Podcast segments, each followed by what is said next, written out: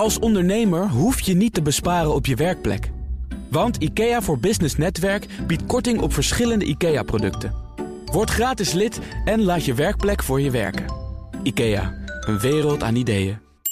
Op de weg om het aantal coronabesmettingen werkelijk terug te dringen. En de overheid zou de Nederlandse techsector meer moeten stimuleren. Dat is wat meer dan 100 start-ups en andere organisaties willen bereiken met het manifest Kickstart NL. Dat en meer bespreek ik in het ondernemerspanel. En daar zit Eduard Schaapman, oprichter van Tribes. En Leen Zevenbergen, oprichter van B Corp Europe, partner bij Bain Management Consulting. En Walnotenboer, welkom. Goedemiddag. Uh, Goedemiddag. Leen ook voor het eerst echt officieel aangekondigd als walnotenboer. En Eduard maakt zich al meteen zorgen of jij je misschien ook verslikt hebt in een walnoot. Maar het gaat tot, nu- tot nu toe goed, hè? Eh, ben jij bent aan het oogsten, begrijp ik? Ja, de oogst zit er bijna op. Het is eh, vreselijk slecht weer geweest. In de stromende regen, walnotenoogst is echt vreselijk. Maar het is een hele goede oogst, dat wel. En dit gebeurt allemaal voor de mensen die denken... joh, die man is er op de radio. Het gebeurt allemaal in Frankrijk, geloof ik, hè? Zuidwest-Frankrijk, in de, in de Lot, zoals dat heet. In de Lot. Het walnotengebied van Frankrijk. En eh, wat is een eh, goede oogst? We zitten hier in het ondernemerspanel. Over, hier, over hoeveel kilo moet ik praten? Per boom praat je dan over ehm, nou, droge noten, zo'n eh 70 kilo. 70 keer Per per boom. boom. En dat dan, eh, hoe, hoe groot is je boomgaard? Nou, een paar honderd bomen, dus Zo. zeggen 300 bomen. Dan is dat eh 2100 eh, kilo. Dus eh, je wordt er niet eh, rijk van, maar het is wel heerlijk om te doen. Ook als het regent. En Nou, je kunt er geen drank van maken, eh, wat, dat, eh, wat, wat Eduard al vroeg. eh, Ja, dat dacht ik. drank van kunt maken. Maar, Oh, ja, ja, dat kan wel, maar dat, is, dat gebeurt meestal niet. Oké. maar het wordt wel veel gebruikt in voedingssupplementen, weet ik wel, noten inderdaad. Het is toch iets gezonds, heb ik Ja, begrepen. Het, is heel gezond, het is een superfood. Het is eigenlijk ook, ook goed voor de weerstand nu tegen corona. Kijk, Oh, hebben we weer de wat. reclame is gemaakt hoor. Tegen corona, eet een walnoot. Ehm, we gaan eh, naar jouw nieuws, Eduard. En dat is wat dichter bij huis in Rotterdam, geloof ik. Ja, ik geloof in Rotterdam. Ik dacht, eh, ik krijg natuurlijk de opdracht A, van mezelf, maar ook eh, van de redactie hier. Kijk nou eens naar niet-corona-nieuws. Ja, daar ga ik natuurlijk naar op zoek. Dat heeft me nu 48 uur gekost. Dat duurde wat langer, maar ik kwam toch ergens op. Iets heel positiefs, vind ik zelf. De gemeente Rotterdam. De gemeente Rotterdam is met een plan bezig om te zorgen dat alle ambtenaren binnen vijf jaar op de fiets naar kantoor komen. Ja, dan zeg ik, daar word ik warm van. Waarom? A, je bouwt aan je immuunsysteem. B, je zorgt voor een stuk minder vervuiling. En het enige wat je moet doen is af en toe een jack aandoen als het regent. En voor de rest kun je lekker fietsen. Fantastisch initiatief. En dat zijn de dingen die we nu moeten gaan krijgen. Mensen die kunnen beter dit soort nieuws gaan horen en dan aan hun immuunsysteem werken, dan eh, niet aan hun immuunsysteem werken. Even gewoon een kwestie van smaak. Maar eh, het motto van de gemeente is eh, practice what you feed. Ja. Kan je ervan genieten of vind je dat te flauw? Ja, ik weet het niet. Ik, wil, ik, ik, ik heb zelf natuurlijk heel veel ervaring met fietsen. En ik word van fietsen altijd heel blij. Ik ben vandaag ook weer eh, vanuit eh, het gooien hier naartoe komen fietsen met 30 kilometer. Het regende niet. Misschien terug weer wel. Eh, maar het is gewoon lekker. Je bent een uur bezig. Je bent fit. Je krijgt energie. en je kunt aan de bak. Hey, jij bent hier de kantoorexpert, we komen er nog over te spreken. Maar de gemeente Rotterdam houdt er dan dus ook rekening mee dat er binnen die kantoren iets moet veranderen. Er moeten lokkers komen, er moeten douches komen. Het is ook niet zomaar geregeld natuurlijk. Nee, je moet natuurlijk wel je aanpassingen doen. Maar je hebt natuurlijk heel veel parkeerplekken. En als je die parkeerplekken nu ombouwt naar fietsenhokken en lokkers en douches, ben je een heel eind. Natuurlijk is er een investering mee gemoeid. Maar die investering die komt ten goede van de mens. En eh, ja, dan denk ik moet je zeker doen. En eh, Leen, hoe dwingend kun je daarin zijn als eh, werkgever? Als je met de auto komt per ongeluk, of het regent te hard of je woont toch te ver weg. Dicht de deur? Ja, geen auto meer geven, dat wat een hoop bedrijven nog steeds doen. Ik weet niet of de gemeentes dat doen, dat doen ze niet. Maar eh, ik, ben helemaal, ik deel helemaal de mening van, eh, van Eduard dat je eh, ja, fietsen. een van mijn bedrijven doet dat ook. We hebben geen bedrijf fiets of bedrijf auto, maar een leasefiets. Lease, geen le- leaseauto, maar een leasefiets. Dus dat wordt zeer op prijs gesteld door mensen, door medewerkers. Ik zal nog iets doen wat jij op prijs zult stellen, namelijk naar jouw nieuws gaan. En dat beginnen we met een fragment. I am David Attenborough, and I am 93. I've had the most extraordinary life. It's only now that I appreciate how extraordinary. The living world is a unique and spectacular marvel. Yet the way we humans live on Earth is sending it into a decline. En als David Attenborough het zegt, dan is het zo, Leen? Nou ja, het is, ik krijg er eigenlijk weer tranen van in mijn ogen als je naar die man luistert. Het is natuurlijk zo'n indrukwekkende man die op zo'n prachtige manier iets kan presenteren. En het, dit stuk wat je er nu liet horen komt uit de film Alive on Our Planet, die net uit is. Dus dat is nieuws. En dat is een echte moeite waard voor iedereen om te, om te bekijken. Het, is een, uh, het lijkt uh, slecht nieuws. Maar hij eindigt toch wel heel erg positief. Hoor. Dus als je dit, de decline hoort, de mensheid stort de planeet in het decline. Nou, dat, dan denk je van dat zal een hele trieste film zijn, maar, het is, uh, maar niks is minder waar. Dat, uh, hij, hij, hij, geeft wel aan dat we een aantal dingen aan doen zijn als mensheid die niet helemaal erg goed zijn voor de planeet, maar hij eindigt wel heel positief. Dus het is heel erg de moeite waard. Dan naar zaken die wij als Nederlander doen, te veel doen. Althans, als je het aan het redteam vraagt. We reizen nog te veel. Vorige week riep het kabinet op om minder te reizen, zoveel mogelijk thuis te werken. Er wordt nu 20% minder gereisd. In maart was dat 30 tot 40%. Volgens Bert Slachter van het redteam blijkt uit de mobiliteitscijfers van Google dat het woon-werkverkeer nog niet terug is op het niveau van toen. Als we dus nu ook kijken naar bijvoorbeeld naar Google, die houdt die mobiliteitscijfers cijfers ook bij. Hè. Dan zien we ook dat vorige week dat het min 20% was en de week daarvoor ook. Terwijl als je in maart april kijkt, was het min 45% voor woon-werkverkeer. Dus we zitten nog lang niet op het niveau van, van toen. Eduard Schaapman, specialist in uh, kantoren, ja. flexibele kantoorruimte. Ja, dat is uh, weer hoofdschuddend. Een, ja, ja, ja, dit is weer zo'n man die totaal niet in de praktijk zit. Dat is een man die cijfers niet kan interpreteren.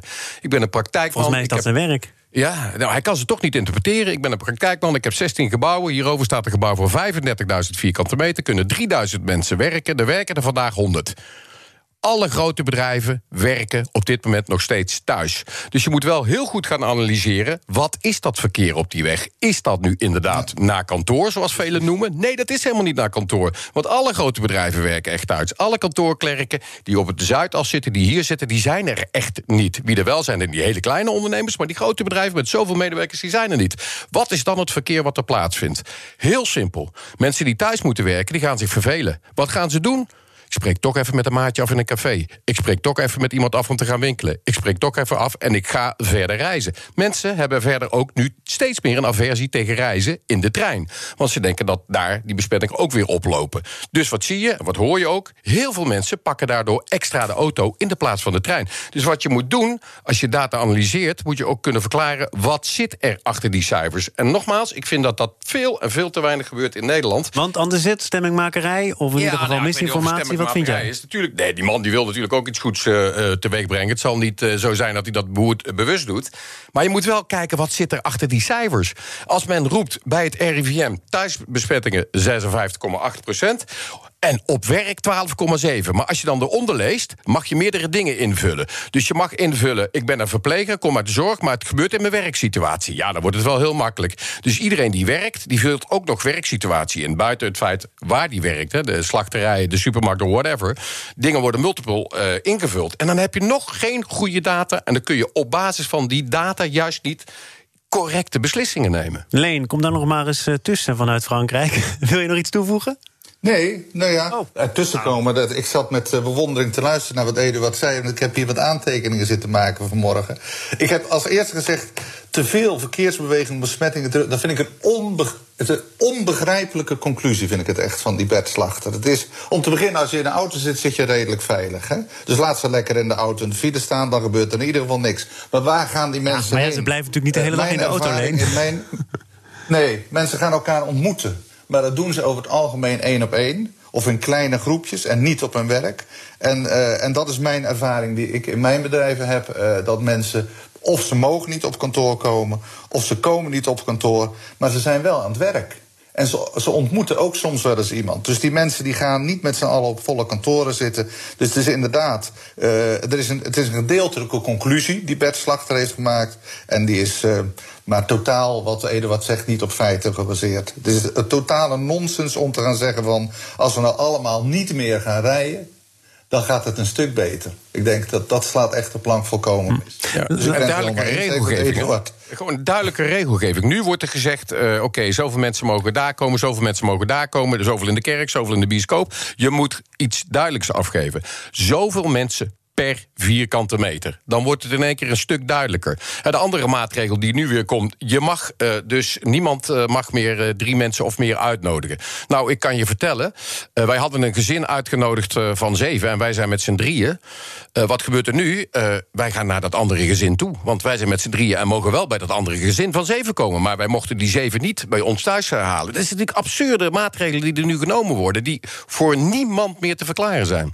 Ik wil even naar jouw Nou, expertise. daar ben ik De het ka- niet helemaal oh, nou, dan, dan mag het dan. Ik wilde, ik wilde al Ja, over naar iets ik- anders. Maar Leen, als je het er niet mee eens bent, Ja. maak van je hart geen moordkuil. Nou ja, nee, ik, het, weet je, het is, voor mij is het allemaal toch wel helder. We kunnen er flauwe grapjes over maken. Een van mijn kinderen heeft net corona opgelopen een eh, paar dagen geleden. Dus ik maak helemaal geen flauwe grapjes hier meer over. En dat, eh, we weten als Nederlander, als je een beetje goed nadenkt... wel hoe, precies hoe het zit.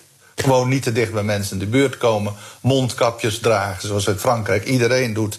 Beetje wegblijven van drukke plekken. Op rustige momenten boodschappen doen. Het is allemaal niet zo heel erg moeilijk. En dat, eh, dus we kunnen wel allemaal detail, eh, eh, detailmaatregelen aan mensen gaan vragen. En aan de overheid gaan vragen. Maar weet je, als je een beetje gezond nadenkt, dan weet je wat je, wat je wel en niet kan. Nou, daar ben ik helemaal met je eens, Leen. Dat klopt ook. Maar dus ja, dan- we hebben geen verschil van mening. Dan wil ik graag eh, nog iets Gelukkig. aan jullie vragen. En ook met name aan jou, Eduard. eh, waar wij het gisteren op BNR over hebben gehad. Met een huisvestingadviseur, Solft. Ja, ja. Vanochtend bij mijn collega Bas van Werven. eh 40% van alle kantoorruimte wordt overbodig. ja, ja.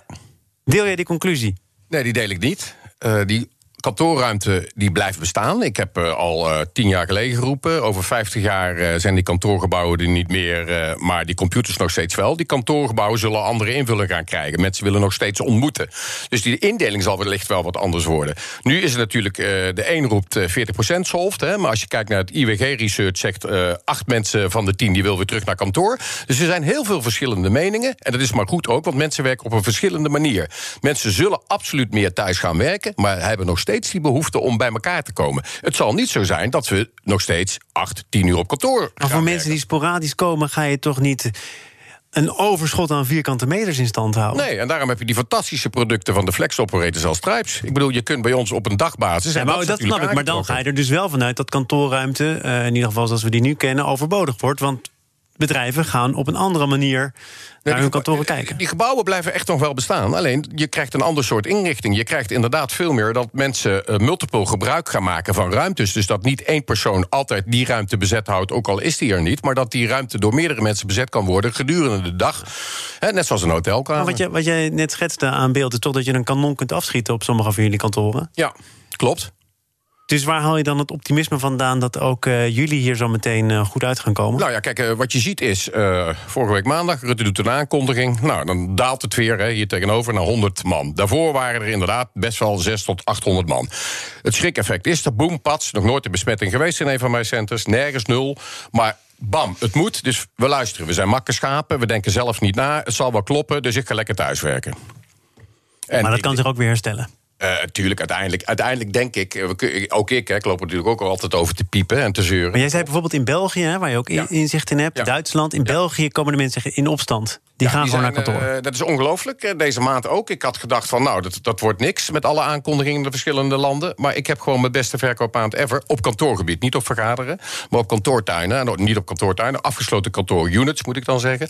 en die worden dus nu opeens afgenomen van. En dat komt natuurlijk doordat de grote partijen die lange leases hadden getekend en die afgelopen zijn, die gaan nu kortstondig huren. Want die denken, ja, ik weet niet wat er gebeurt met eh, dit gebeuren. Dus ik neem een contract van een half jaar of een jaar in de plaats van een tienjarig contract. Dus die klanten krijgen we nu op dit moment. Zaken doen. Het ondernemerspanel is aan het woord. En daar zit Eduard Schaapman, oprichter van Tribes. Leen Zevenbergen, oprichter van B Corps Europe. Partner bij Bain Management Consulting. En Walnotenboer. En ik wil het met jullie hebben over het opsplitsen van bedrijven. De Democraten in de Verenigde Staten willen grote techbedrijven mogelijk opsplitsen. Een commissie vindt dat de bedrijven te veel macht hebben. Het gaat om onder andere Apple, Facebook, de bekende techreuzen. Ehm, hebben ze te veel macht, Leen? Ehm, ja, dat is wel duidelijk. Het is een, eh, kijk maar naar de bekende documentaire The Social Dilemma. Eh, Ja, dan zie je dat het toch uh, rare vormen, enge vormen begint aan te nemen. Ik, ik ben nog even los van de conclusie van we gaan ze dan maar opsplitsen. Wat overigens een hele gebruikelijke conclusie is in de Verenigde Staten. Want dat is al meerdere malen gebeurd dat grote bedrijven die ze niet meer onder controle hadden als politici, dat die opgesplitst moesten worden in kleinere bedrijven. En dat, ja, dus je ziet dat nu ook zich hier weer afspelen. Maar ik denk wel dat, dat de macht uh, de invloed, laten we het, uh, dat woord gebruiken, de invloed die dit soort grote bedrijven hebben, de macht om geen belasting te betalen, om belasting te ontwijken op grote, immense schaal. ja, waardoor ze ook geen bijdrage meer leveren aan de samenleving. Dat vind ik een schande. Afgelopen woensdag haalde onze beursanalist Arend Jan Kamp de oliebedrijven aan die eerder dit lot hebben meegemaakt. En hij quote Rockefeller van Standard Oil en hij zei dat Rockefeller concludeerde dat hij nog nooit zoveel geld verdiend had als toen de tent werd opgeknipt. Dus ze worden er niet per se minder rijk van, minder welvarend van.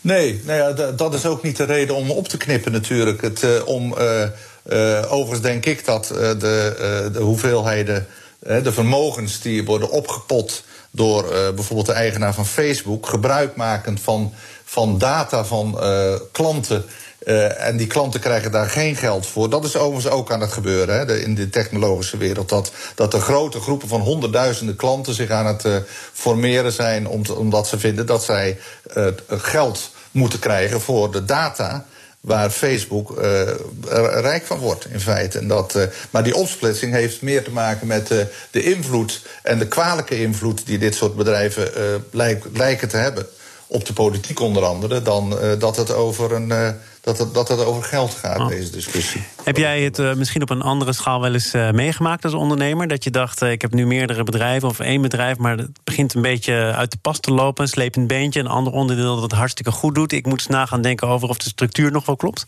Ja, absoluut. Uiteindelijk ja. ga je toch nadenken over, hey, wat heb ik voor een onderneming? Welke lopen goed, welke lopen niet goed, welke stoot ik af?